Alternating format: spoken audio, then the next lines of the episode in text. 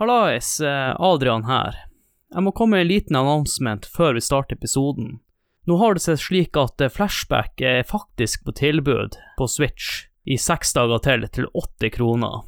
Det er en eh, rabatt på 95% så en anbefaling å bare få kjøpt spillet og teste det. Da setter jeg over til selve episoden.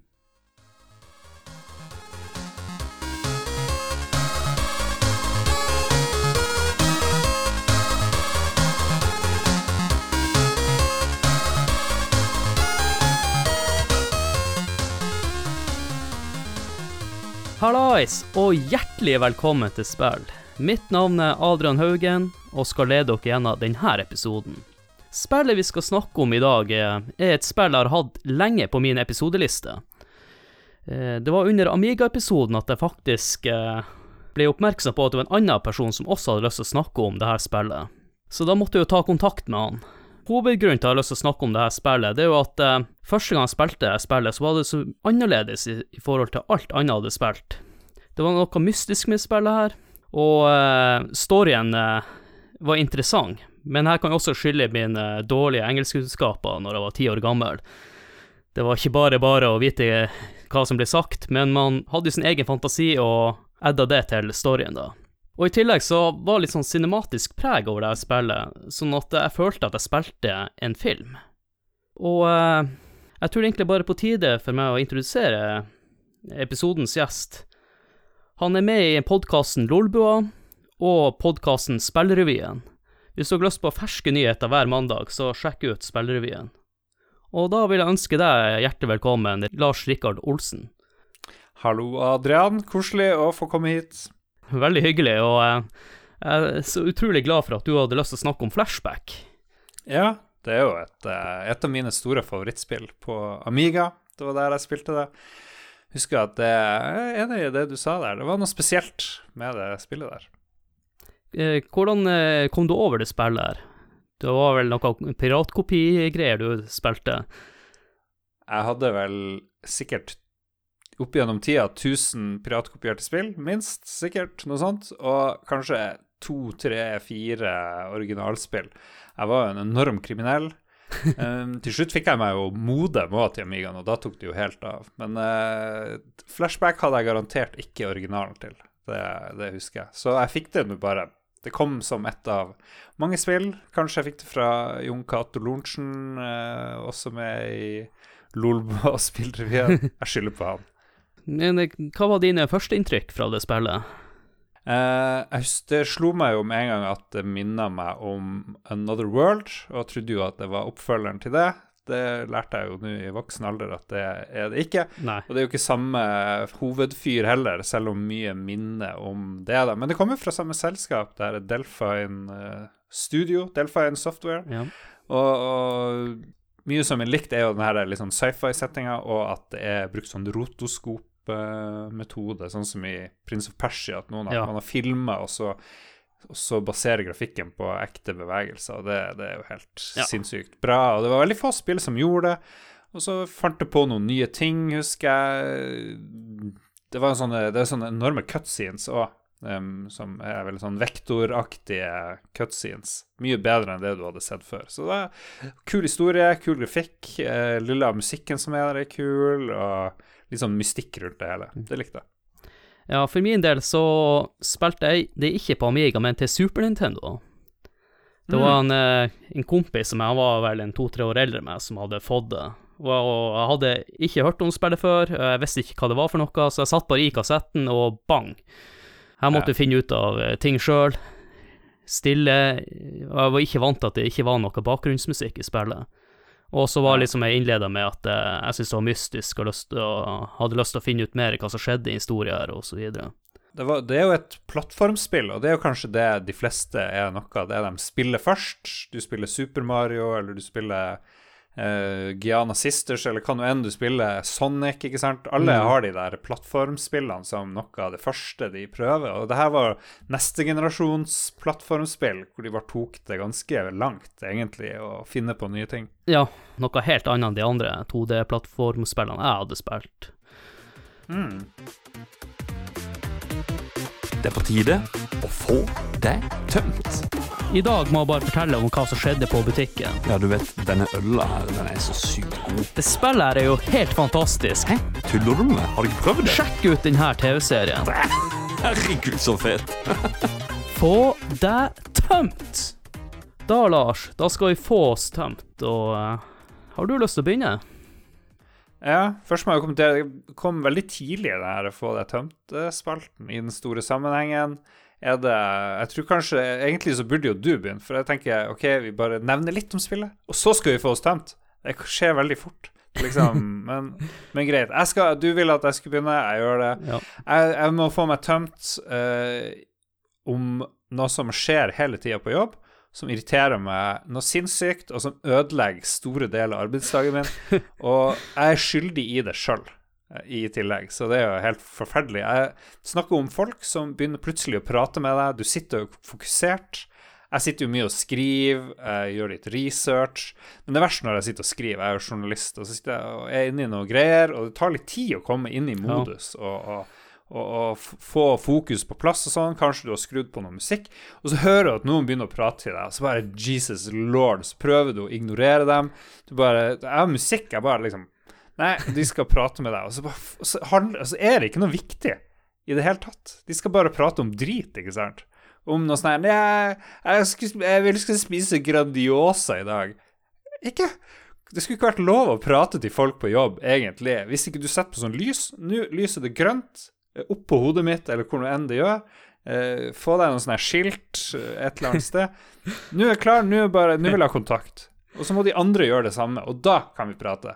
Ellers helt forbudt. Men det jeg syns er jævla bra, Lars, at uh, for de som ikke har hørt Lollebua, så er, er, jo du sjef på jobben din.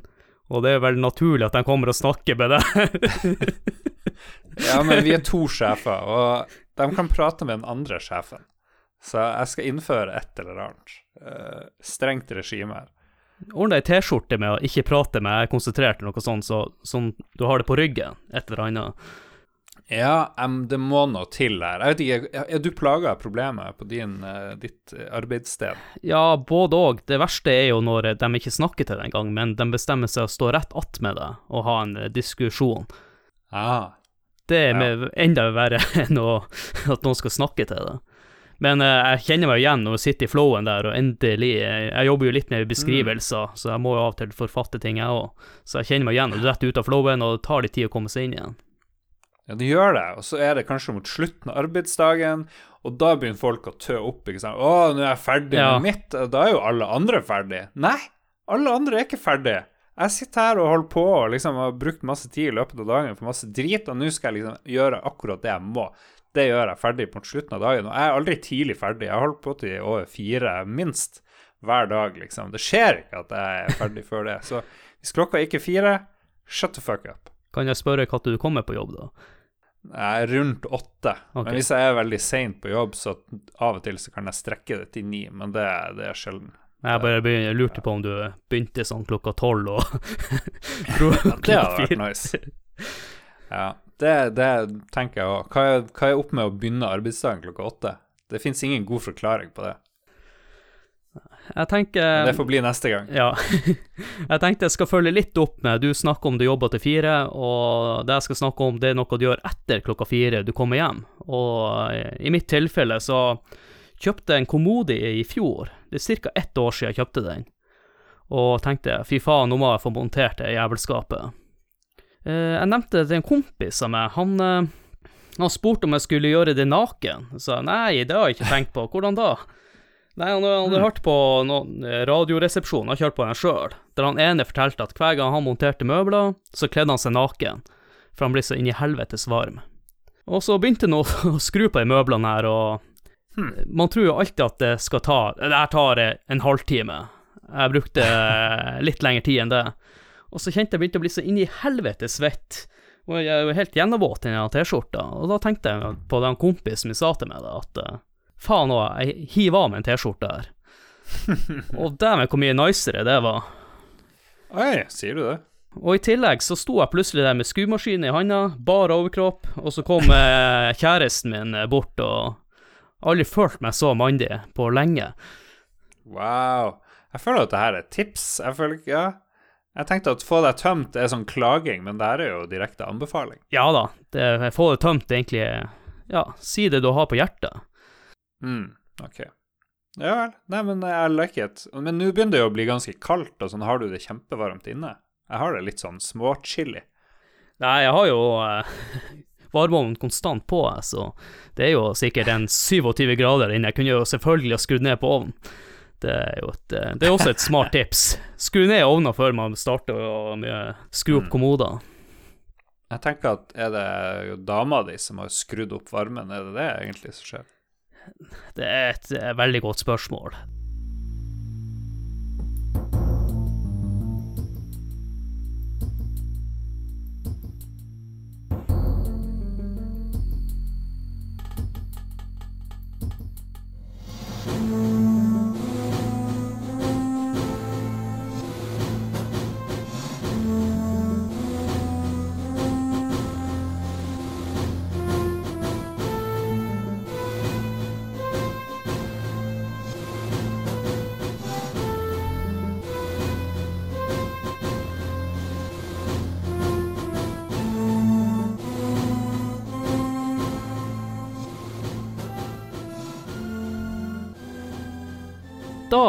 Skal vi snakke om eh, flashback.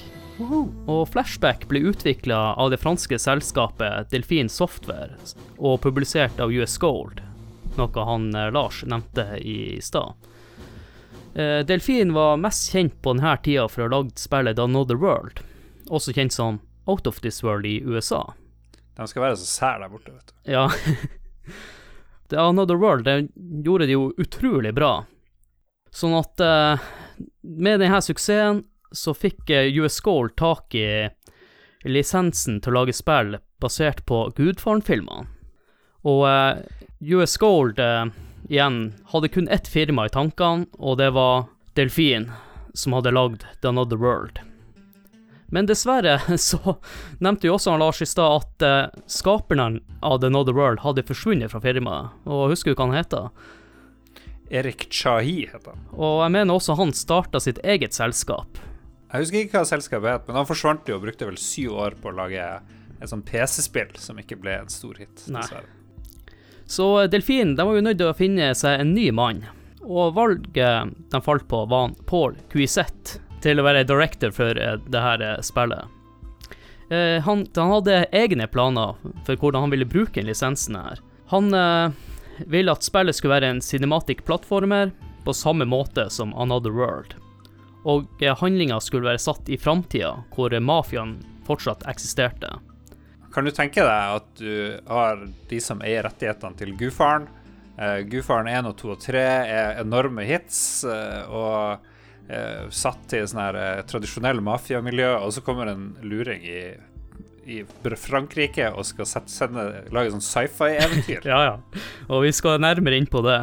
For uh, han hadde jo planer for at handlinga i spillet var at protagonisten skulle rømme fra mafiaen i forskjellige situasjoner. Han henta også inspirasjon, ikke for, fra Gudfaren-filmer, men fra andre sci-fi-filmer som uh, Blade Runner, Total Recall, uh, The Running Man, Alien, Terminator, you name it. Det er litt sånn uh, spillversjon av Quentin Tarantino-film, for sier si rett ut. Ja, god sammenligning. Og de her påvirkningene ser du også klart i enkelte cutscenes, som vi skal snakke om litt senere. Og så var jo Lars innpå det den dagen han skulle presentere det flotte prosjektet sitt. Det spillet som skulle være basert på Gudfaren 1, 2 og 3. Og uh, US Goal den var ikke så jævla happy med det, av det sluttresultatet. Så eh, det var ikke snakk om at han skulle få lov til å bruke gudfarnavnet til dette spillet, men han Kusiet han skulle få lov til å fortsette med utviklingen, som til slutt skulle bli det flashback vi kjenner i dag. Og flashback det ble utvikla med Sega Megadrive. Tanken var å lage spillet basert på den maskinen sin hardware. Det var også tiltenkt skulle slippes ut først på denne konsollen. Men det er litt utklart hvorfor. Men spillet havna faktisk først på maskinen han Lars spilte på, Amiga. Hell yeah. Amiga first. Ja. jeg, tror, jeg leste litt om det. Jeg tror det er fordi eh, til Amiga så kunne du trykke spillene på Eller skrive spillene inn på disketter, mens Megadrive hadde sånne her chipper. Og de her, eh, de her minne, minnebrikkene i megadriven eh, var De brukte noen nye minnebrikker. 24 mm, et eller annet i stedet for 16. Ja. Det var jo ikke megabyte, var det? Hvor, mange, hvor mye minne var det i sånne greier? Jeg vet ikke. Så det var noe sånt. Det tok litt lang tid å lage de her, mine, de her cartridgene. Så det var derfor det kom til Amiga først. Og de vil jo sikkert også få fortest mulig penger inn i kassa. Ja, det må vi ha. Money, money, money. Det er jo gudfaren det handler om. Ja. uh, spillet ble sluppet ut i 1992 første gangen til Amiga. Men uh, Sega Megadrive-versjonen kom ikke for året etter, i 1993, sammen med MS-DOS-sporten, utgivelsen til Super Nintendo og Acron Archimedes. Hva i faen er det for noe? jeg tror den heter Acorn. Acorn. Uh, nei, jeg vet ikke. Aner ikke. Det var, sånn, det, kom, det var, jo veldig mange maskiner før i tida, så jeg har ikke peiling. Det var en av mange. Og når du nevner mange maskiner, så kom det også ulike porter fra 94 til 95 også. Blant annet til Sega CD, Macintosh, eh, Windows 95, Atari Jaguar og mange andre. Det kom vel mm. stort sett ut til alt mulig, holdt på å si. Ja, det er jo litt artig. Og så kom du til Dreamcast i 2017. Det er jo litt weird. Ja, det er jo meget spesielt. Det er noen år etter. 24 år etter, noe sånt. Først, nei, 25 år etter første releasen, blir det vel. Ja, det vil si, kanskje forklare litt hvorfor det gikk litt dårlig med det her selskapet, det her Delfin Software, når de begynner å gi ut spill til uh, Sega Dreamcast i 2017. Ja. Men uh, det, kom, det, var vel ikke Delfin som la ute. Delfin gikk vel konken i 2003. Nei, den var jo konkurs for lenge siden. Men det spesielle med den uh, Dreamcast-versjonen, det er at det er en blanding mellom Amiga-versjonen og MS-DOS-versjonen. Hvor grafikken og cutscenes er fra MS-DOS, mens musikken er hentet fra Amiga. Apropos musikk, skal jeg si Jeg vet ikke om du fikk det med deg, men det, det her er Delfin Software som lagde det her, eh, de her spillene vi har snakka om. Eh, vet du hvorfor de begynte med spill? For de holdt jo på med, med LP-plater og musikkutgivelse, egentlig. Ja, stemmer det. Det er jo meget spesielt, men eh, vet du, ja, hva er grunnen til at de Nei, det var én kis i selskapet eller som ga ut musikken sin på selskapet. Han kjente eieren av Delfin Software, og han hadde lyst til å lage musikk til spill, så de lagde en egen spillavdeling. Sånn at de okay. kunne lage sine spill, så han fyren kunne få sin musikk i spillene. Ganske artig måte å gjøre det på. Det er holdt på å si nesten stikk motsatte. Som regel så bruker de å hente inn en musikkmann til å få ferdig den biten. Og det gjøres jo vel også i dag, i, i hvert fall på indie game-spill og sånn, så henter de inn en eksterne til å lage musikken. Men i 1995 så hadde spillet solgt rundt 750 000 eksemplarer. Spillet var faktisk en liten periode i Guinness rekordbok for det mest solgte franske videospillet noensinne. Det er kult. Det sa jeg. Så hvis du har en fransk Guinness rekordbok fra 96, må den jo ha kommet, da, så står det spillet. Da var de sikkert veldig stolt fikk jeg lyst til å snakke om Guinness rekordbok. Det var liksom en ting jeg fikk i bursdagsgave og julegave sånn da jeg var liten. Jeg har helt glemt av hele konseptet. Og de var jo litt sånn stilige forsider òg på det, Guinness rekordbok. Det var jo sånn glinsende greier og så videre. Ja, ja, det var veldig glossy og fint med noe sånn fargerike ting. Men eh, vi må vel gå over til det vi skal snakke om i denne episoden, som er flashback. Ah. Eh, har du lyst til å ta oss igjen av låren til spillet? Ja, eh, plottet er jo det er ikke veldig bra. Det virker som om plottet er en sånn ettertanke til det hele. Jeg føler at det, det du, må, du, må, fokusere ganske mye for å liksom skjønne det ganske basic plottet. Men året er 2142. Du er på Saturns måne Titan, hvor eh, en fyr som heter Konrad B. Hart jobber for myndighetene. At han jobber for myndighetene, det fikk ikke jeg med meg før jeg leste den. Ikke jeg heller. Eh, spillet starter med en scene hvor Konrad blir jaga av noen mutanter. Kommer seg av gårde med å kjøre på en sånn Det ser ut som en, en sånn Akira-motorsykkel, bare at den flyr. Den er ganske tøff. Og så eh, blir han skutt ned i en jungel. Og eh, jeg vil komme tilbake til det, for han er ganske heldig på hvor han blir skutt ned. Men han våkner opp etter å ha mista bevissthet, og han husker vel ingenting. Og så finner han en holocube i lomma si, og den inneholder en beskjed fra seg sjøl som forteller at han skal møte sin venn igjen i byen New Washington. Så din oppgave er å få hukommelsen tilbake og finne ut hva som skjer. Og du har jo nevnt det her at Total Recall eh, er er en inspirasjonskilde, og vi er jo med en gang der. Ja. Det, det er liksom det det starter med, egentlig. Du får en beskjed fra deg sjøl. 'Hei, du må Her er meg'. Eh, når jeg var liten, så skjønte jeg jo ikke jeg i det hele tatt plottet til spillet. Men eh, i den nordamerikanske versjonen av spillet, til eh, SNES, Sega Meg- Megadrive og Sega CD, så fulgte jeg med en liten comic book som var laga av Mm. Marvel, mm. inni manualen, som forklarte mye mer rundt storyen. Og eh, Ja. den cinematiske introen til eh, Sega CD er også eh, fiksa litt på. Apropos uh, cinematisk intro, så det, det er jo noe som skiller eh, det her Delfin Software sine spill fra mange andre. Det var jo veldig no vanlig å ha sånne cutscenes eller sånn film i starten av spillet, men det var ingen som gjorde det akkurat sånn som her i Flashback og Another World var, er jo egentlig fremdeles i særklasse. Jeg syns Ja. Another World-introen er kanskje liksom topp intro i et spill noensinne, da. Men det er nå en annen historie. Men det, det er noe sånn som vi skrev, at du stikker av, og så flyr du av gårde, og, og det er jo som å se en tegnefilm. Det var ingen andre spill som klarte det, så de brukte enorme ressurser liksom, på det her. I hvert fall for min del så hadde jeg ikke opplevd så lang cutscene i starten heller. Jeg syns den var så kul at jeg bare så den om igjen uten å spille spillet. Jo da, de bruker vel polygoner, det er liksom ikke ferdig ferdigtegna. Det er vel 3D-grafikk på et eller annet sånn lett måte. Det setter også litt stemninga i spillet med en gang. Du ser han, eh, han Konrad, han bare flykter av gårde med to stykker etter seg. Eh, Jeg har sett litt på forskjellige introer. Det er noen versjoner som har flere scener enn Super Nintendo-versjonen som jeg spilte.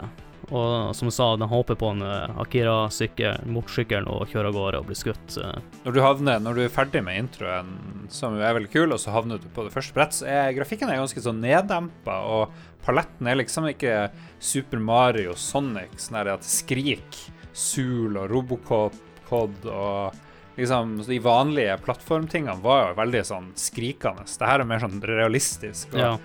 Det er jo fransk, og franske tegneserier var jo litt sånn Jeg vet ikke. Jeg syns jeg kan kjenne litt igjen liksom den samme stilen. Jeg syns jo veldig kul den låta til eh, introen, så jeg tenkte vi kunne spille den av nå.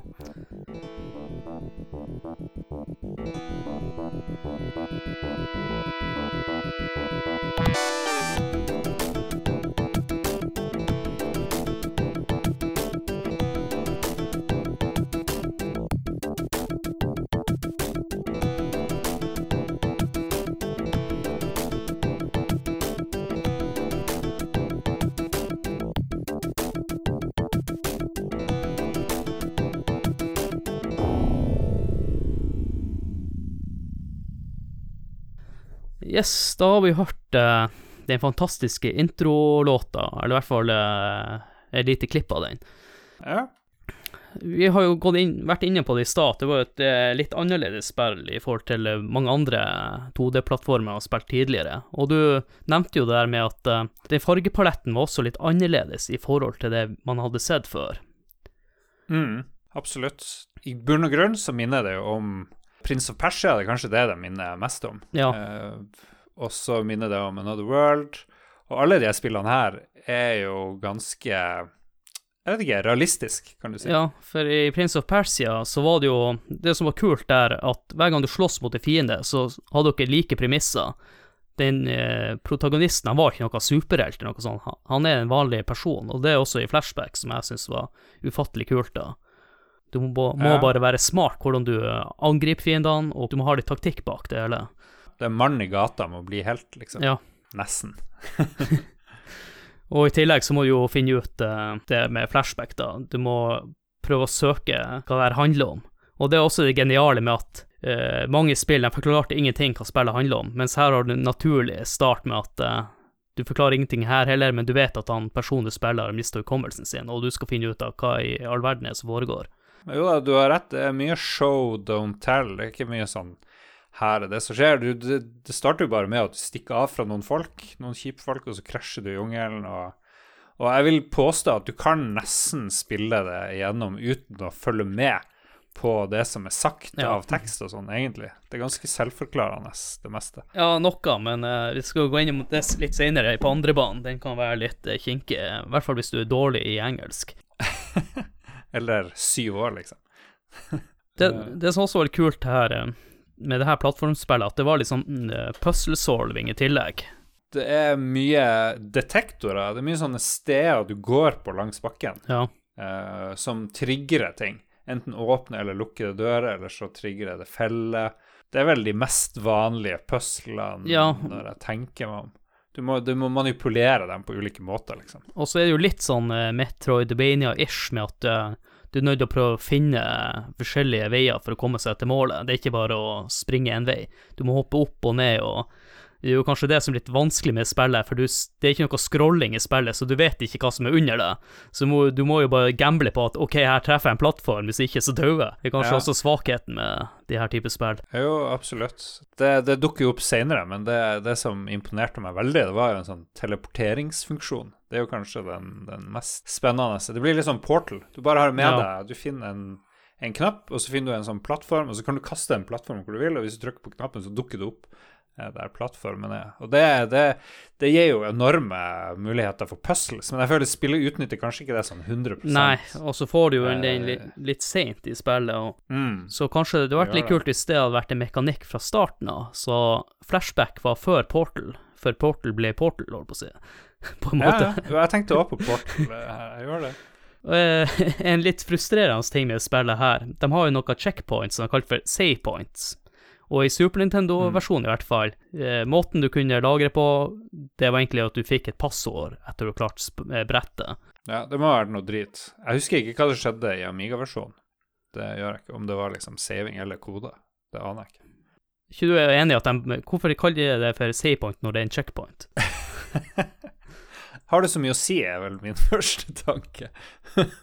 Ja, men i hvert fall eh, fra når man var ung, da, og Mm. trodde at det var save point, så har det jo litt å si. Ja da, jo da. jo da. Nå har jeg det Jeg må jo fortelle hva det er jo viktig eh, informasjon. Jeg har spilt Jeg har det både på Switch, og jeg har det på PlayStation 4, og så har jeg det vel en eller annen plass til Amiga på noe vis. Uh, men Og jeg tenkte jo at denne versjonen jeg har spilt nå, hvor det er save points egentlig Han saver jo. Det er ikke bare sånn at uh, hvis jeg skrur av på maskinen, så, så er jeg der. Uh, men det er en kombinasjon av Amiga-versjonen og PC-versjonen, var det du sa? Jeg tror det var det. Yes. For jeg husker jo ikke hvordan Amiga-versjonen var egentlig. Sånn 100% Nei, jeg husker veldig godt det, siden jeg kun har spilt eh, Super Nintendo-versjonen, og har jo spillet fortsatt til Super Nintendo. ja, Og siden vi snakker om saving og sånn, på den her nye 2018-utgaven, eller hva farsken det jeg har til Jeg spilte det på PS4, og det kom vel til 2018 og Switch til 2017, hvis jeg husker rett. Um, så er det også en sånn tids... uh, du kan spole tilbake tida, sånn som i Prince of Persia, sånn som de kom på først. Så det er litt juks. Ja, sånn uh, braid-funksjon. Ja, faktisk. Du, bare, du kan spole tilbake to minutter hvis du spiller på normal i hvert level. Så det, det hjelper jo på.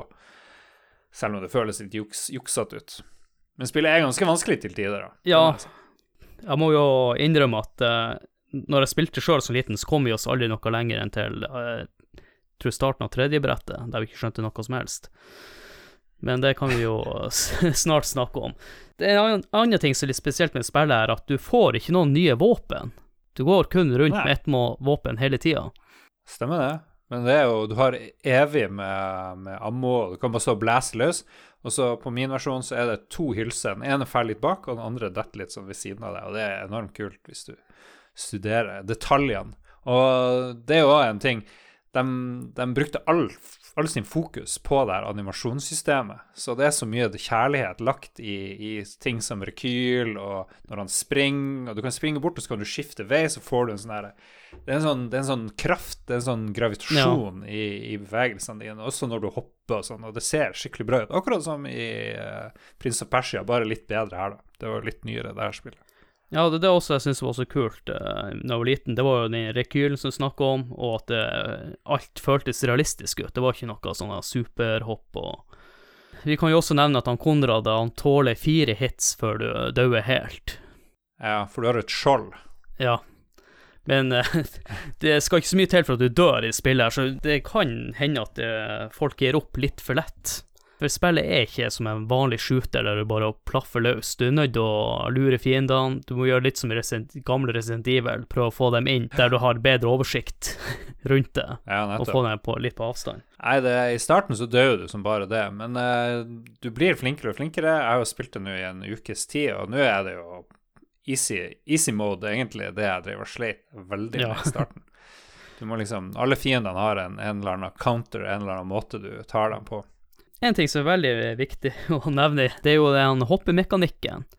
Du har et sånt mm. superhopp, eller han hopper veldig langt. Det er et brett der du starter med et sånt hopp, og det er egentlig litt for å sjekke om spilleren har lest manualen. For det er et hopp man mm. kan gjøre automatisk. For du bare holder inn knappen, og så tar du til en side, og så hvis du slipper knappen eller stikker. jeg husker ikke, så fortsetter han bare å springe. Jeg tror det er knappen. Og så bare hopper han av seg sjøl, og det ser helt fantastisk ut. Men det er, det er totalt uh, ikke intuitivt, Nei. egentlig. så det er jo kanskje en svakhet med, med spillet også. Men uh, igjen, alt står forklart i mm. manualen. Men uh, som liten ja. så var jo det noe av det første man kasta. Men, men kontrollene er jo veldig rare, fordi det var ingen som hadde lagd et sånt her spill før, så han her Paul Cusette de ante ikke hvordan de skulle gjøre ting. Vanligvis så ville du hatt en knapp for å hoppe, men det er sikkert fordi de drev og lagde den på Amiga òg, for det er ikke sant, du har bare én ja. knapp stort sett på alle spill. Du har liksom åtte retninger på joysticken, og så har du én knapp. Og kanskje noen spill bruker tastatur og sånn, og det gjør jo det her spillet òg til en viss grad. Men for å bevege deg og for å skyte og sånn, så måtte de gjøre veldig mye rart. Og da ble det sikkert også derfor den der eh, spring- og langhopp-greia. Hold inn knappen, hold mot sida, slipp knappen og spring litt mer, og så hopper du. Det er sånn det er jo, det er jo nok, en måte du kan gjøre og gi mange moves på med bare én knapp på joysticken. Men jeg føler også at Flashback eh, var laga for eh, de litt eldre ungdommene, til eldre spillere. Ja. Så jeg tror jeg faktisk var litt for ung for første gang jeg spilte Flashback. Det vil jeg tro. Det vil jeg tro. Ja. Mm, hvor gammel var jeg? 93-94 spilte jeg det sikkert. 93, kanskje? 92-93, ja. Det var sånn starten av videregående. var jeg. Så det var helt perfekt. Perfekt for deg, ikke perfekt for meg, som akkurat hadde begynt på skolen da, nesten. Jeg gikk vel i andre-tredje klassen. ja, ja, ja. Med det så tenker vi bare kan uh, spille av uh, ei låt fra Entering New Washington når det kommer til byen New Washington, og så skal vi snakke litt om de forskjellige brettene i flashback.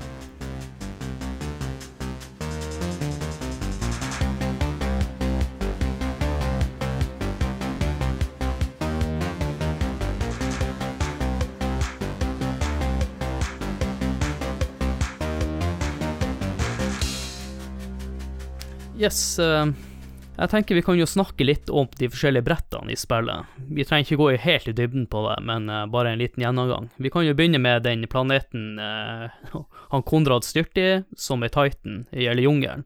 Jeg må bare nevne det at mm. når jeg var liten, jeg visste ikke engang at det her foregikk på Titan. Det var litt usikkert for meg òg, det må jeg si. Men vi har vel stort sett nevnt det aller meste om denne, uh, det her brettet i, før det musikkinnslaget, da. Ja, det er jo en sånn tutorial-verden, ja. egentlig. Du lærer deg å skyte Liksom, du kan gå, du kan hoppe opp og ned, du kan springe og hoppe, men du vet ikke at du kan gjøre superhopp ennå, mest sannsynlig. Og så kan du dukke deg ned det var veldig kult. Det er veldig få spill hvor jeg husker du kan sette deg ned med pistolen ut og skyte på en kul pose, og så kan du rulle og Så kan du rulle, og når du slutter å rulle, så står, holder du fremdeles pistolen klar. Det er en perfekt actionrulle, og det er jo dødskult. Og det vi glemte å si med mekanikkene i staten, er rullinga her, den er livsviktig i det spillet her. Oh yeah. Den er det. Og du kan, du kan også, eh, hvis du hopper ut fra en kant uh, mens du har pistol, så lander du klar med pistol. Det ok, det var jeg ikke klar over, men det er jo veldig kjekt i enkelte situasjoner. Absolutt. Man har nå daua noen ganger uten for, på grunn av at man ikke har kunnet det her trikset. Ja.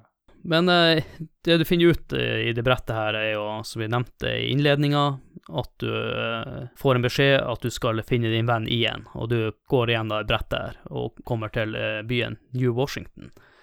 Ja, det, du provoserer meg litt, fordi du flykter fra eh, noen folk. Du finner vel ut at det er mutanter etter hvert, eller eh, noen sånne reptiler fra verdensrommet som har tatt menneskeform. Du blir skutt ned. Ser ut som det er litt tilfeldig over jungelen, men der du blir skutt ned. Det er sånn 20 meter fra, fra, en åpning til en by som er New Washington. Så det virker veldig sånn Å, oh, shit, jeg bare gikk inn der døra, og da var jeg der jeg skulle. Og han Ian eh, som du skal finne. Han er tre meter innenfor den døra. Ja. så det er jo helt magisk eh, løkk der. Og der eh, blir han vel beskutt i starten. Ja, det er noe aliens der òg, så du må liksom ja. beskytte deg sjøl og han igjen, og så kommer det en cutscene. Du setter inn i en sånn maskin og skyter sånn ja, stråle. Ikke sånn stråle som har hos øyelegen for å fikse synet med en sånn midt i panna. Ja, typisk. Ja, og da finner du ut at uh, det du oppdager, er jo at uh, du har funnet tak i et par briller som gjør at du kan skille de alienene med navnet Morphs i, mellom dem og vanlige mennesker, for dem er sånn shapeshifters aliens. Så kan han gjøres om til mennesker eller noe sånt i den duren, hvis jeg ikke tar helt feil. Ja, han har i hvert fall oppdaga at det fins masse aliens, og det, da blir det jo uh, Det er en veldig sånn They Live-referanse fra den filmen der. Har du sett den?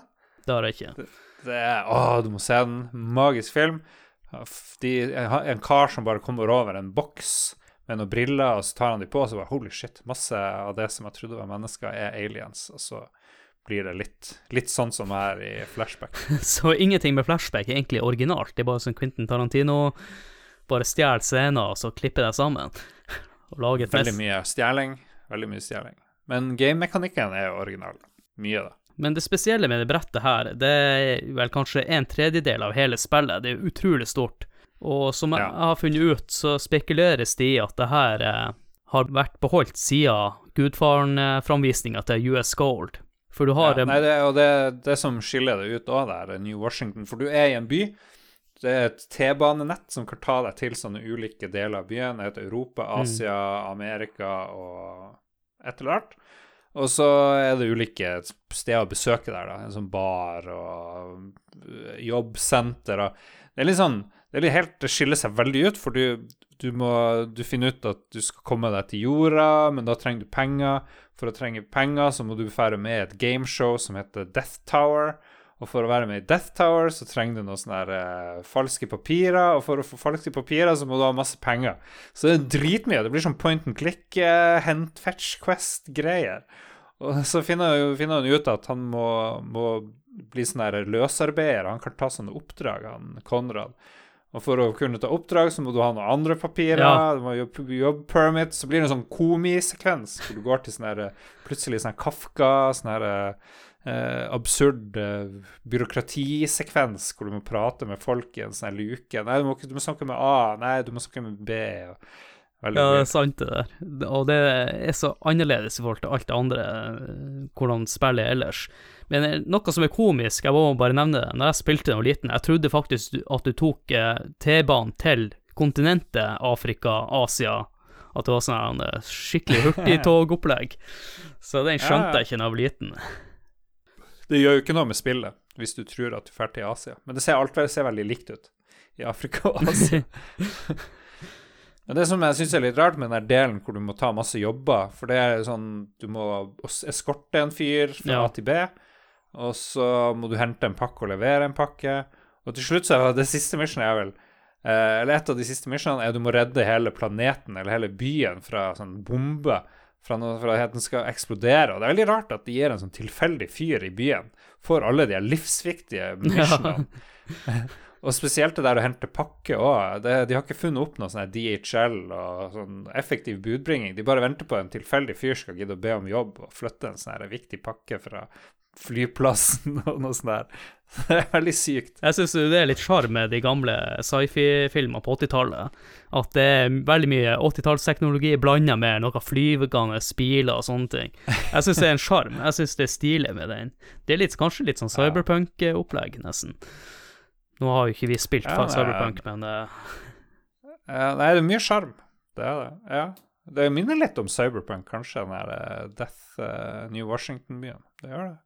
Og til slutt så får de ID-papirene til å joine gameshowet, da, som er level 3, som heter Death Tower, eller på SNES, der var sensurert til Cyber Tower. ja, den baren var jo også sensurert til å bli en kafé, leste jeg. Men, Men ingenting annet. Det er det er bare navnet. Ser veldig ut som en bar. Uh, Death Tower er min favorittdel, eller var min favorittdel uh, før. Nå er min favorittdel missionet på slutten av forrige level uh, i den der byen hvor du må erstatte noe i et et datasystem, og da er det plutselig en sånn speedrun-level. Du må liksom lære deg fortest mulig å springe gjennom et level. Springe, dukke ned, hoppe mm. over feller osv. Det syns jeg var sinnssykt artig. Men før så var det der Death Tower jeg likte best. Og det har noe med utseendet Alt er så futuristisk og stilig. Det mye glass og mye laserstråler og mye Det er som å være inne i Running Man-filmen. Jeg husker jeg bare tenkte på det da jeg spilte ja. det i, på 90-tallet. Steike hvor kult og cinematisk, og det minner meg om Running Man, og Arnold Schwarzenegger og en sånn her livsfarlig gameshow. Jeg bare, jeg levde meg veldig inn i, i, det her. Det er jo det samme greia, det er jo levels opp og ned, men i stedet for at du er i jungelen eller i en skitten by, mm. så er du i sånn her TV-studio med laserting overalt og kule blå lys og neonting og Her er stemning. Og fiendene her er jo litt annerledes også, for de her kan jo gjøre seg usynlig, tror jeg, springe litt og skyte dem litt raskere enn de fine har møtt tidligere. Ja. Så her, her, er jo holdt på å si, første gangen du må kanskje endre litt eh, kampplaner for hvordan du skal ta dem ut. Ja, det er det. Før det her, eller det er kanskje her òg, du får et skjold òg. Det er en jævlig kul mekanikk. Du har en knapp, og så hvis du trykker på den, så kommer det opp et skjold i sånn ett sekund foran deg. Så da kan du time det når de skyter på deg, og så venter du, og så skyter du på dem. Og det, ja, det er tøft til slutt da, så ender du opp, hvis du er god nok til å klare banen, og uh, du får en sånn der cutscene der du uh, mottar en premie fra en sånn skikkelig sleazy uh, TV-vert. premien er jo en tur til jorda, så ene sekundet driver du og kjemper for livet ditt, det andre så er det en TV-vert. Hei, gratulerer. Ja. og så kjempekort cutscene, og så er du på jorda uten noe særlig forklaring på hva som skjer. Du bare Som vanlig i det spillet, du bare springer den veien du kan, og så skjer det noe. Men eh, i noen versjoner så tror jeg i hvert fall også du får en liten cutscene at han eh, eh, drar til en, eh, et romskip, og så ferdig til jorda. Ja, jo da, du gjorde det her òg, men det var ikke veldig lenge. Og neste leveren er jo at du ankommer jorda. Mens du reiser til jorda, så har Morphs funnet ut hvem du egentlig er. Så når du mm. ankommer byen, så blir du angrepet av politi. Politiet er jo også litt annen type fiende. De har en jetpack og har hagle i stedet for pistol. Ja, de er noen uh, irriterende fiender. Det er nå du faktisk er nødt til å bruke skjoldet skikkelig. Stemmer det. Uh, jeg vet ikke hva mer vi skal si om det brettet. Det, det skjer mye interessant på slutten, men det er jo ja, et vanskelig brett. Ja. Vanskelig brett, uh, mye feller. Det begynner, begynner etter hvert å komme litt sånn miner rundt omkring. Kommer ting som detter fra taket, turrets og som skyter på deg. Og det her teleporteringseffekten begynner vel nå å gjøre seg veldig gjeldende. Og det er jo spesielt på slutten av eh, mappet, så skal du ta en eh, taxi til Paradise Club, og der finner du ut at eh, det er skjulestedet til morphsene på jorda. Så ender du opp i en ventilasjonssjakt, og her får du en cutscenes der du overhører eh, to morphs planlagt yep. en invasjon, da. Og det som skjer, er at eh, eh ventilasjonsgitteret gir etter eh, han er feit fyr, han Konrad, han detter igjennom og blir tatt til fange. ja, det stemmer. Det er skikkelig classic new noob mistake. Du står og overhører noen, og så bare ødelegger det som du står og lener deg mot. Så du blir kasta i fengsel, og de skal drepe deg, men de skal vente litt. Det er jo en classic ja, mistake. Ja, ja. neste brett begynner jo med at de prøver å drepe deg. Så de bare hiver deg i fengsel, og så skal de drepe deg. Det er veldig weird. Veldig merkelig. Ja, men i samme sekvens så blir du jo kjent med en som heter Philip Clark, og han er jo litt viktig for resten av storyen. Jeg vet ikke hva, Han var ikke en del av min historie. Jeg bare husker jeg så en eller annen fyr, og han blir drept. Og så, så fikk, får du vel en eller annen dagbok av ham. Ja. Og det oppdager jeg heller ikke før helt på slutten. Oh, ja. liksom, hva er det som skjer nå? Og jeg har en sånn her ting i, i en sånn her uh, notebook, eller hva det heter, i inventoryen min. Så det bare leste jeg lenge etter. Så bare Å ja, det er det som skjer nå. ja. For han forklarer at han har funnet en måte å ødelegge hjemplaneten ja. til de her alienene på. Så det, det, er noen brains. Det er to brains, tror jeg. Først er det én du må skyte, og så en til. Ja, du har jo uh, auxiliary brain, og så har du master brain, og her får litt den Metroid, eller Metroid-feelingen. Det er jo uh, samme type boss som i Metroid, med Mother Brain. Mother Brain. Ja, det er kult. Og det fengselet er veldig kult. Det er mye vanskelig shit. Det er mye dritvanskelige greier der. Det er egentlig her Jeg føler jeg sier det med hvert brett, da, men det er her du må i hvert fall bruke mye teleportering. Ja, det er det. Nei, det er artig. Det er opp til deg sjøl. Det forklares utrolig lite.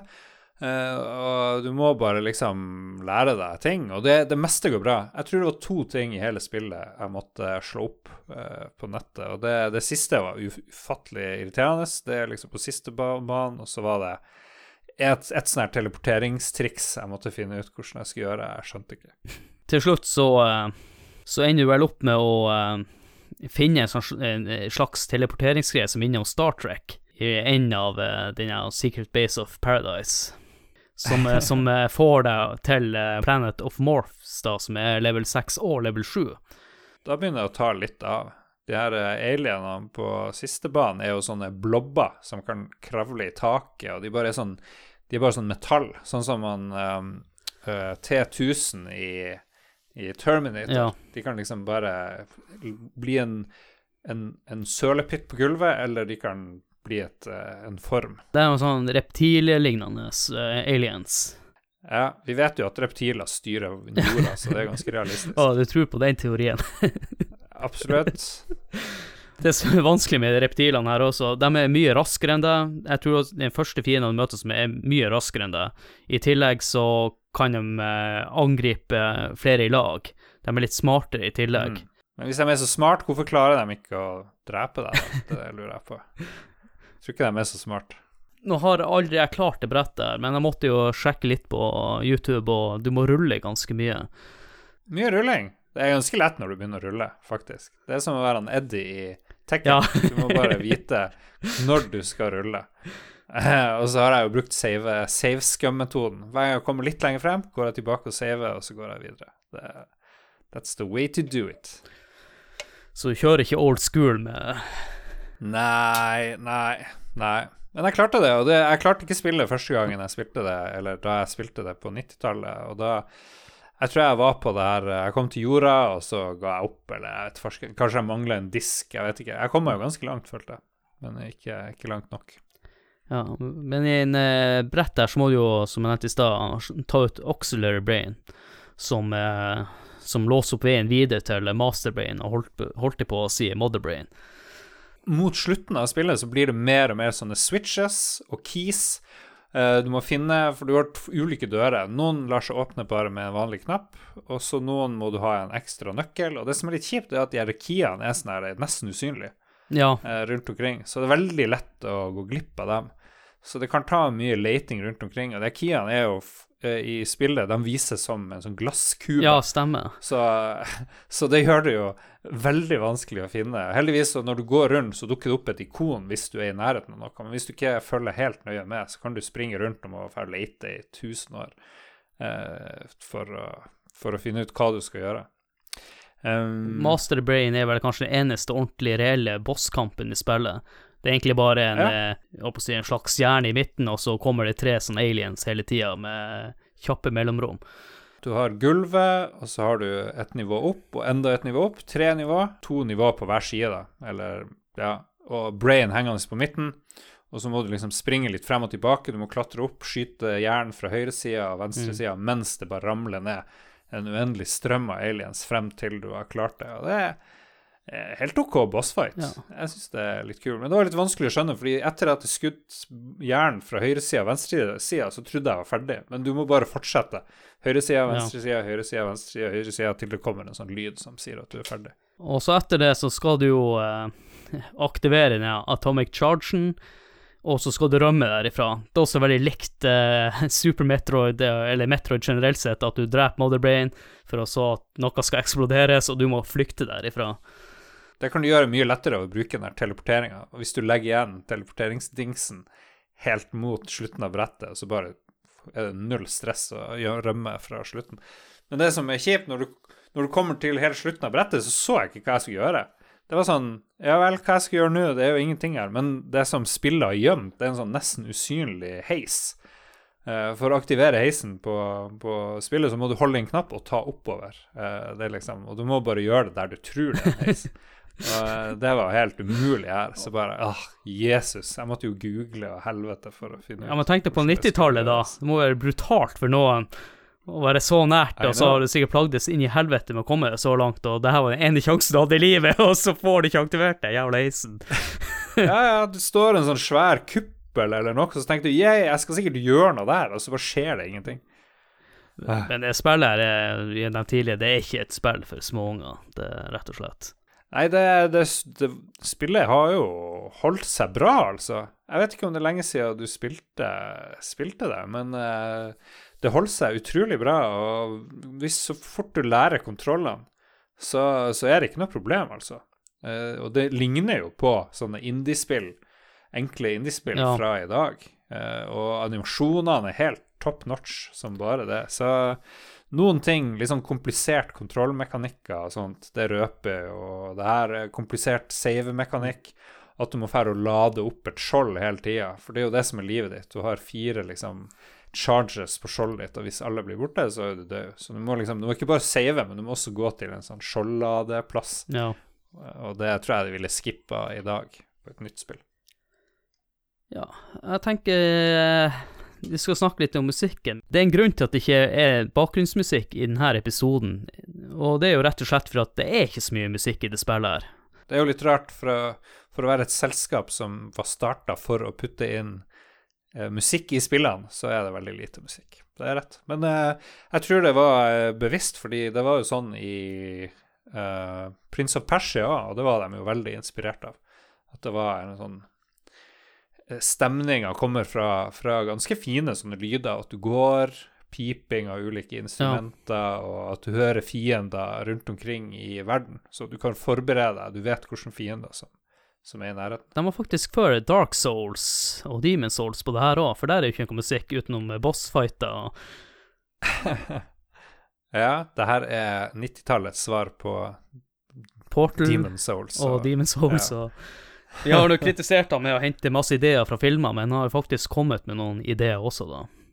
Ja, han har det. Ja da. Nei, eh, jeg syns jo mye av spillmekanikken er ganske unik, altså. Nyskapende. Den musikken som er i spillet, syns i hvert fall jeg er veldig kul, og det gir den futuristiske stemninga. Så jeg, så jeg syns faktisk det er litt synd at det ikke var mer musikk. Kunne kanskje implementert eh, i enkelte sekvenser litt eh, mer musikk, da. Jeg føler at det er greit å bare få nevnt musikken. Og jeg tror også under episoden så har vi spilt all musikken som er i spillet, for det er ikke så mye å ta av. Vi kan jo snakke litt om de forskjellige versjonene som var inne på tidligere. Hvor mange versjoner har vi uh, Among us? Vi har Amiga-versjon, og du spilte SNES, og jeg har Switch og PlayStation 4. så det er i hvert fall fem versjoner, noe sånt, plutselig. PC har du? Ja, eller jeg kan jo også nevne at jeg har jo faktisk lasta ned mobilversjonen i dag.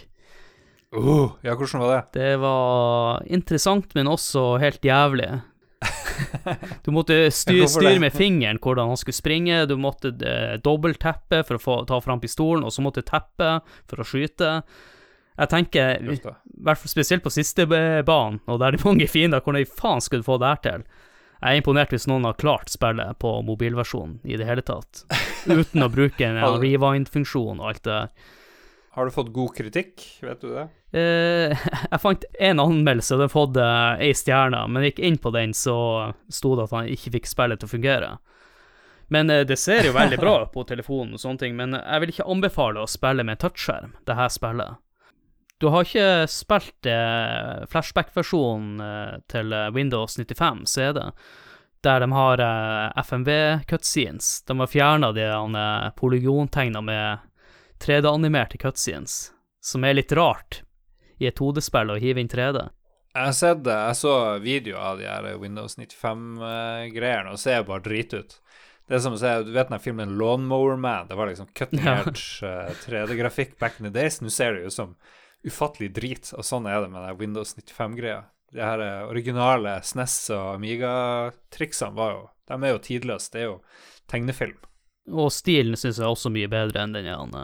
Det er litt som å, å se den Dire Straits uh, musikkvideoen. Money for nothing. And chicks for free. Ja. Men uh, en annen ting som jeg også ikke var klar over, det var at det var voice acting i det spillet. Men den har ikke jeg sjekka ut. Nei, hvorfor det, liksom? Men heldigvis så har de droppa det her i de remakene man kan få kjøpt i dag. Og da kan vi egentlig bare snakke om eh, eh, oppfølgerne først, til Flashback. For det kom jo ett i 95, samtidig som det blir gitt ut eh, det første spillet, som var Mm. Fade to Black, som var en 3D-versjon. Ikke 3D-versjon av spillet, Ja. men 3D-plattformer som var oppfølgeren. Det, jeg husker det, og det var et kjempetidlig spill. Kom veldig tidlig i PlayStation 1-æraen. Det var jo Jeg spilte jo ikke sånn Jeg spilte ikke på PC på den tida, og du har skrevet at det minner litt om Tomb Raider. Det, det, det, vel, det minner vel om Tomb Raider fordi det er tredjeperson 3D-spill i en ordentlig 3D-verden. Ellers så er det jo ikke så mye utforsking og hopping av huler og sånne her ting, men det er mer plagsom gåing i ki stygge ganger, uh, hvor gulvet er sånn her uh, har feller på seg. Jeg husker ingenting ut av det. Jeg så videoen ut av det, og det ser helt grusomt ut. Og jeg spilte veldig lite, og uh, har sikkert veldig gode grunner for å glemme alt om det der fade to black. Så det er jo veldig trist, da. Jeg Hadde jo en enorm lojalitet til Ja. Eh, Another World, Flashback og de her spillene, og når det liksom kom en slags oppfølger til de her, her tingene, så var det jo utrolig skuffende at det var bare piss. Ja, han eh, Kusiet han har jo også sagt at uh, han ønska jo at de hadde litt mer tid med spillet. I mellomtid så lagde de jo spillet Shack Fu, så hvis han kunne lagd en Shack Fu 2 i mellomtida, så tror jeg kanskje Fade to Black kunne vært et mye bedre spill. Men det var jo, som du nevnte, veldig tidlig i PlayStation-ærene, og eh, sånn er det. Hvis du er først ute, så gjør du masse feil. Nei, jeg drit i fade to black, altså. Eh, så la oss nevne en annen oppfølger som ikke kom ut, men som ble nesten ferdig, som var eh, en slags, eh, ikke remake, men en etterfølger av Flashback, som fortsetter videre. Men eh, hele den eh, stilarten og sånn ser mye mer cartoonish ut. Det ene som er litt rart med betaen, er jo at han eh, vanlige Konrad er i det spillet, men jeg tror også han skulle få en skin etter hvert. Det, det som slår meg, er at det her eh, Delfin Software det gikk jo fra å være ganske banebrytende til å ha kule point and click-spill som var ganske populær. Og så lagde de ga de ut Another World, og så ga de ut Flashback. Og Flashback er liksom toppen av pyramiden, og så bare whoosh, Ja. Stupte kvaliteten på det meste de lagde, bare rett ned. Men det er jo litt sånn med noen spillskapere at uh, han Kusiet han hadde utfordringer med å lage flashback fordi at han måtte prøve å få pressa inn det han ville gjøre. Og når du plutselig kan gjøre det i 3D, så er kanskje ikke ideene dine gode nok lenger. Nei, det er, jo, det er jo veldig artig. Han var jo med og lagde fightespill, han lagde det Shackfu, han lagde sånn moto, eller sånn bilspill. Ja, Motoserien gjorde det jo bra. Så det var jo mye, mye rare sjangre han har vært borti, da. Veldig allsidig, men mista plottet et eller annet Ja. sted på veien. Og Delfin ble jo lagt ned i 2003. Men i eh, 2013 så kommer han eh, Kusiet ut med en remake av Flashback, som er utvikla av Vectorcell, og du har testa ut det spillet som ble slakta. Uh. Ja, jeg var jo litt gira for at enda, oi, nå kan flashback tilbake. Jeg husker ikke hva oppfølgeren heter engang, men det er ikke noe vits. for det, det er bare bæsj. Jeg har spilt det. Jeg var jo mest gira for nesten at uh, i menyene på spillet så kunne du spille originale flashback. Det som var så kjedelig, var at du får opp svær grafikk av en arkademaskin eller noe sånt, og så du får ikke fullscreen, og du får liksom ikke den godfeelingen sånn som du gjør i remasterne som kom i 2017 og 2018. Så Nei, det der er 2013-flashback, bare jeg husker, jeg husker likt ut av det. Så, så noen videoer, rare, rare greier. Han har blitt en sånn der eh, Die Hard Bruce Willis-kar som bare skal gå vitser og sånn der. Ja, eller en poor man's uh, Nathan Drake. Ja, nettopp. ja. Og i tillegg så er jo bevegelsene Det som var kult med flashback, er at eh, bevegelsene så realistiske ut, men her så bevegelsene helt bæsj ut, floaty. Ja, og Paul Quisette bør bare få ikke lov å lage mer spill, tenker jeg. Nå er det slutt. Du har liksom feila masse. Du har gjort en par bra ting. Han der Erik Shahi som lagde uh, Prince of Persia og Karateka, han ga seg. Nei, Uh, Jordan Meshner heter han. Ja. Han lagde de to spillene og ga seg. Helt supert.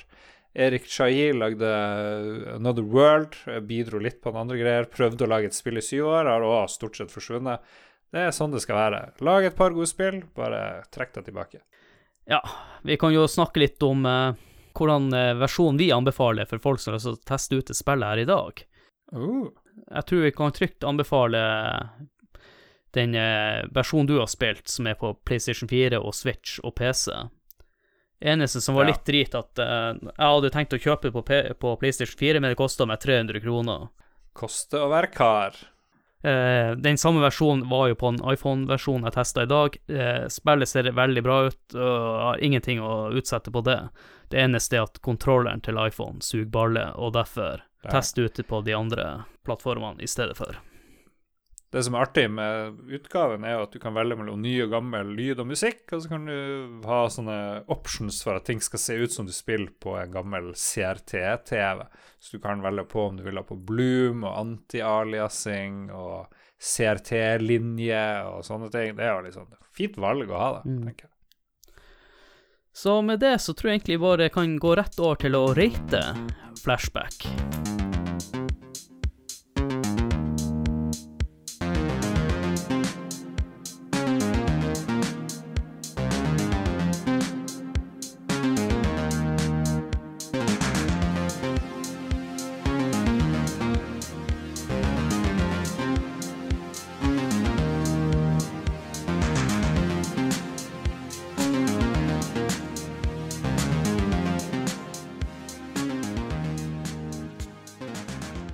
Skal vi rate flashback, og måten vi gjør det på Vi setter en karakter etter Nintendo-magasinet sine kriterier, og bedømmer spillet etter de her fem punktene. Og skalaen er fra én til ti. Første punktet er grafikk, andre punktet er lyd, tredje punktet er spillkontroll, fjerde punktet er underholdning, og femte punkt er holdbarhet. Og vi kan begynne med grafikk. Hva har du lyst til å gi der, Lars?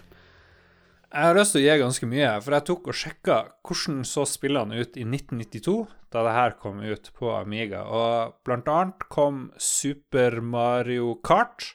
Ser jo ut som eh, oh, det det, et veldig ja. koselig spill, men det er jo milevis unna hvor awesome flashback ser ut. Hvor det er folk som springer rundt i, med realistiske animasjoner. Eh, Mario Kart, sånne teite baner med elendige biler og spøkelser. Kan ikke sammenlignes. Du har også sånne eh, kjedelige RPG-er, japanske RPG-er. SNES, SNES så jo ikke ut, ikke sant, eh, på denne tida sammenligna med flashback. Så jeg, jeg gir det en solid Jeg tror vi må opp høyt. Jeg vet ikke, hva, Hvor ofte gir dere ni Ja, det, det er veldig, ti veldig, og- veldig ofte. Tierne sitter litt Det er veldig ofte. Men her er det lov til å være gammel, så Å ja, ja. Nei, jeg kjører på med nier, da. Let's go. eh, Ser helt topp ut. Jeg liker din approach med å rakke ned på andre spill for å få opp det spillet du liker. Eh, jeg velger en Ja. annen approach. Eh, det jeg liker med flashback, eh, det er at det skilte seg så eh, ut i forhold til andre SNES-spill som har spilt på den tida, for jeg blir sammenlignet med SNES-spill. Den har litt mer sånn kunstneriske art. Du, eh, du nevnte litt Death Tower. Vet du hva, jeg gir også lett en nier. Ingen problem med det. Nice. Og neste punkt da er lyd. Ja, den er litt tricky. Det er jo veldig lite lyd eller musikk å, å, å bedømme. Musikken som er der, er kul. Jeg liker den. Eh, og så er det lydeffekter. Mm. Du vet den der lydeffekten av de her detektorene? De der Ja, den er irriterende. Den, den er irriterende, men den er vellaga òg. Og skytelyden er jævlig kul. Um, så jeg syns lyden er grei. Det er ikke noe sånn verdens beste lyd. Uh, hva du syns Eh, jeg skal hjelpe deg med, med karakteren her. Det er en, eh, en åtter, uten tvil. What?! Jeg syns du gir veldig mye. Er det pga. musikken, da? Uh, nei, jeg gir en åtter av at den stemninga spillet gjør med å ikke ha musikk. Jeg kritiserte vel kanskje at li, litt for lite musikk. Du kan jo ikke gi god karakter for det ikke er noe å gi karakter til. Jo, men lydeffekter og alt mulig. Eh, jeg syns det er en åtter. OK, jeg er med. Jeg gir også åtte. Enstemmig så langt. Ja, vi får nå se Er det noen toppliste? Legger dere sammen alt det her, og fins det en uh, spilltoppliste, liksom? Det er bra du uh, spør om det, for at vi skal ha en uh, Goti special uh, spillstyle. Og Mm. her blir det en ut av å finne ut hva som var årets, eller årets spill, da, som vi har snakka om. Shit, så hvis vi bare gir ti resten, så blir det kanskje årets spill? Ja, jeg, jeg tror det, vi sliter litt allerede, kanskje, hvis jeg ikke tar helt feil. Jeg, lurer, What? jeg husker ikke hvordan spillet var, men jeg mener vi var meget gammel. Dere er jo, Det er jo fordi dere er full når dere spiller inn de her episodene. Det blir bare Ja, ja, dette blir ti på alt. Ja, og det her er kanskje ikke favorisere eh, flashback til å være en kandidat til å vinne denne kåringa, og det er spillkontroll. Ja, men vet du hva? Det, hvor lenge siden er det du har spilt uh, flashback sjøl?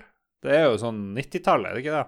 Jeg hadde jo Jeg har jo et Super Nintendo nå, men det er noen år siden jeg har spilt det. Jeg tror det er i 2015-ish. Fem år.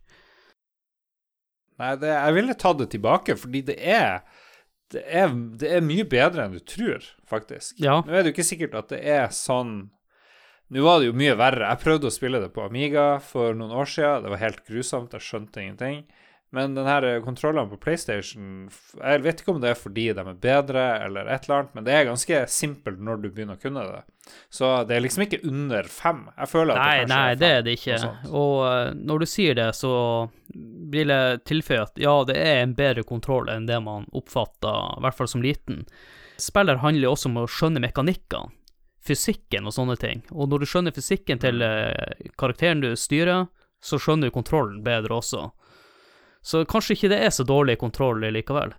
Nei, det er ikke det. Jeg trekker tilbake det. Fem, det er det, Ja, det er, jeg, jeg skal gi karakter, og så kan du uh, komme med en ny. Jeg gir det en syver. Vet du hva, det var det jeg tenkte på. Okay. Det er en åpenbar syver. Kjedelig at vi har likt på alt så langt. Og da kommer det til underholdning. Ja, hva det betyr egentlig, underholdning? Hvor det er egentlig totalpakka. Hvor godt eh, du liker spillet. Føler du at du har lyst til å spille Ja. spillet på nytt, og at det ikke er Mhm. til Jeg har veldig lyst til å anbefale det til andre, Ja, i hvert fall. Jeg er veldig underholdt. Jeg, det her er lukter vi Det er strålende shit. Det er nier. Vi er tilbake på en nier. Vi er det. Eh, Jeg har jo spilt det på mobilen, som var en eh, sucky opplevelse, men jeg ble faktisk så interessert i å spille mer der, og spesielt eh, Ja. nå når jeg har eh, egentlig skjønt hvordan flashback skal spille, så eh, interessant spill. Eh, det ser fint ut. Jeg føler at Mm. eh, man bør kanskje ta sjansen på å spille det, men dessverre så er er det jo vel prisen på PlayStation som holder meg litt igjen 300 kroner for et uh, spill fra 92. Ja. Hadde det kosta det 50 eller 100 kroner, yes, da hadde du kjøpt det lett. Kanskje det kommer på Microsoft GamePass, Ja, det kan får du det gratis. Jeg gir det, jeg gir det én av hundre sjanser at det dukker opp på Microsoft GamePass.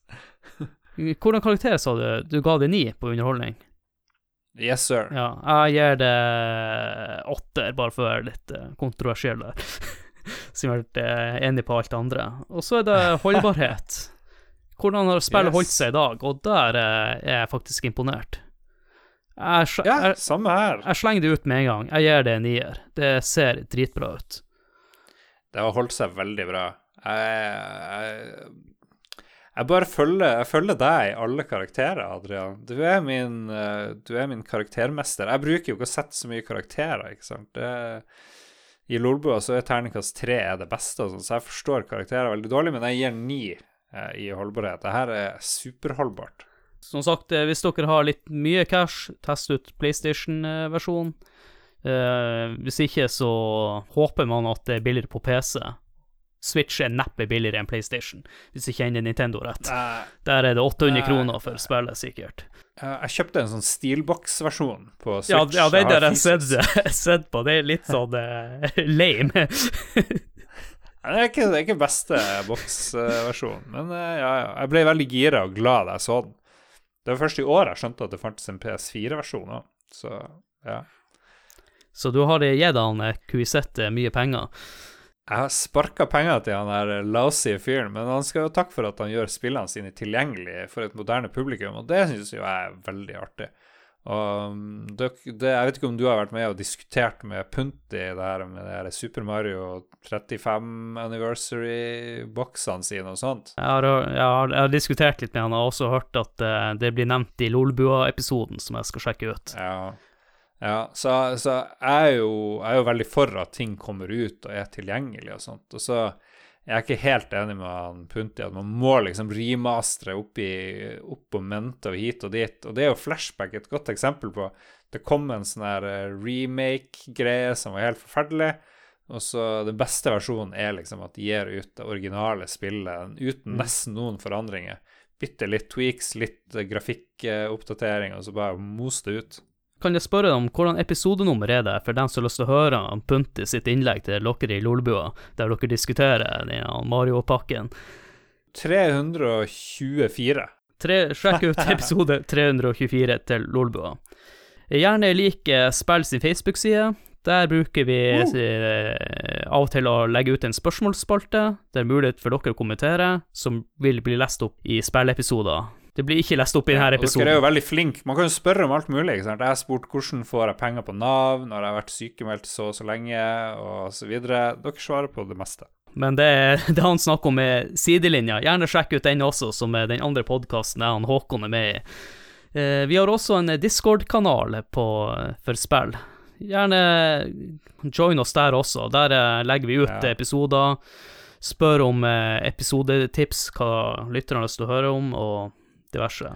Mye, mye innspill, mye svar på Nav-problemstillingen ja. der òg. Altså veldig OK uh, for oss som Og fastlege, problemer med fastlegen, det tar jeg òg der. Det, det er i hvert fall lov til å spørre, så får vi se hva vi svarer. Og til slutt så vil jeg pitche podkastene til han Lars, som er Lolbua. Oh, yeah. eh, Spillrevyen, der dere får de ferskeste nyhetene, som kommer ut hver mandag. Mm. Og Lolbua kommer vel ut på onsdagene. Stemmer det. Så det er jo bra at spill og Lolbua ikke kolliderer med hverandre. Nei, det er jo avtalt spill. Det er jo fordi vi skal dele opp uh, verden mellom oss. Spill, Lolbua, hand in hand. Vi er som Gorbatsjov og Ronald Reagan på 80-tallet. Vi er vi, Folk tror vi er fiender, men vi spiller egentlig på lag bak kulissene for en bedre verden. Ja, og så vil jeg til slutt også gi en takk til Lolbua. Mange av dere i deres redaksjon som har vært med oss og gjester. Og som sagt, jeg ville kanskje ikke ha lagd denne flashback-episoden hvis det ikke vært for at du kunne delt, delta på den. Det var jo hyggelig sagt. Ja, tusen takk for det. Og det vil være flere Lolbua-gjester i, i senere episoder også, som kommer ut. Vi stiller opp mer enn gjerne. Støttspill. Har dere noe Patrion-greier? Nei, vi, vi, får se. vi har snakka om det, men vi er litt usikre fortsatt på hvordan det skal løses. Men uh, foreløpig så har vi ikke det, så måten å støtte oss på, de liker Facebook-sida, og uh, abonner på oss, og gi, gjerne gi oss en rating. Ja, Søk opp på 1881 Adrian Haugen i Tromsø, og så sender du vips. Vipser du ganske heftig uh, til han. Ikke til Punti han fortjener ikke penger. Han har drept meg altfor mye lootcord, så det driter vi i. ja, jeg og Håkon vi fleiper jo med at vi er jo verdens dårligste å avslutte episodene, for det blir sånn en eh, ti minutter lang pitching.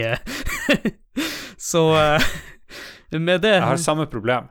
Så da tror jeg egentlig vi bare setter en strek. Tusen takk for at du kunne komme, Lars. Takk for at jeg fikk komme. Utrolig gøy å mimre. Og så fikk jeg en unnskyldning for å spille gjennom eh, flashback. Det var kjempekoselig. Ja, og eh, så vil jeg bare si tusen takk til dere lyttere og hørte på denne episoden her, og håper at dere likte denne episoden. Og da er det egentlig bare for meg å si snakkes! Yeah, boy! jeg har ikke noe catchphrase. bare kutt det ut. Kutt det ut.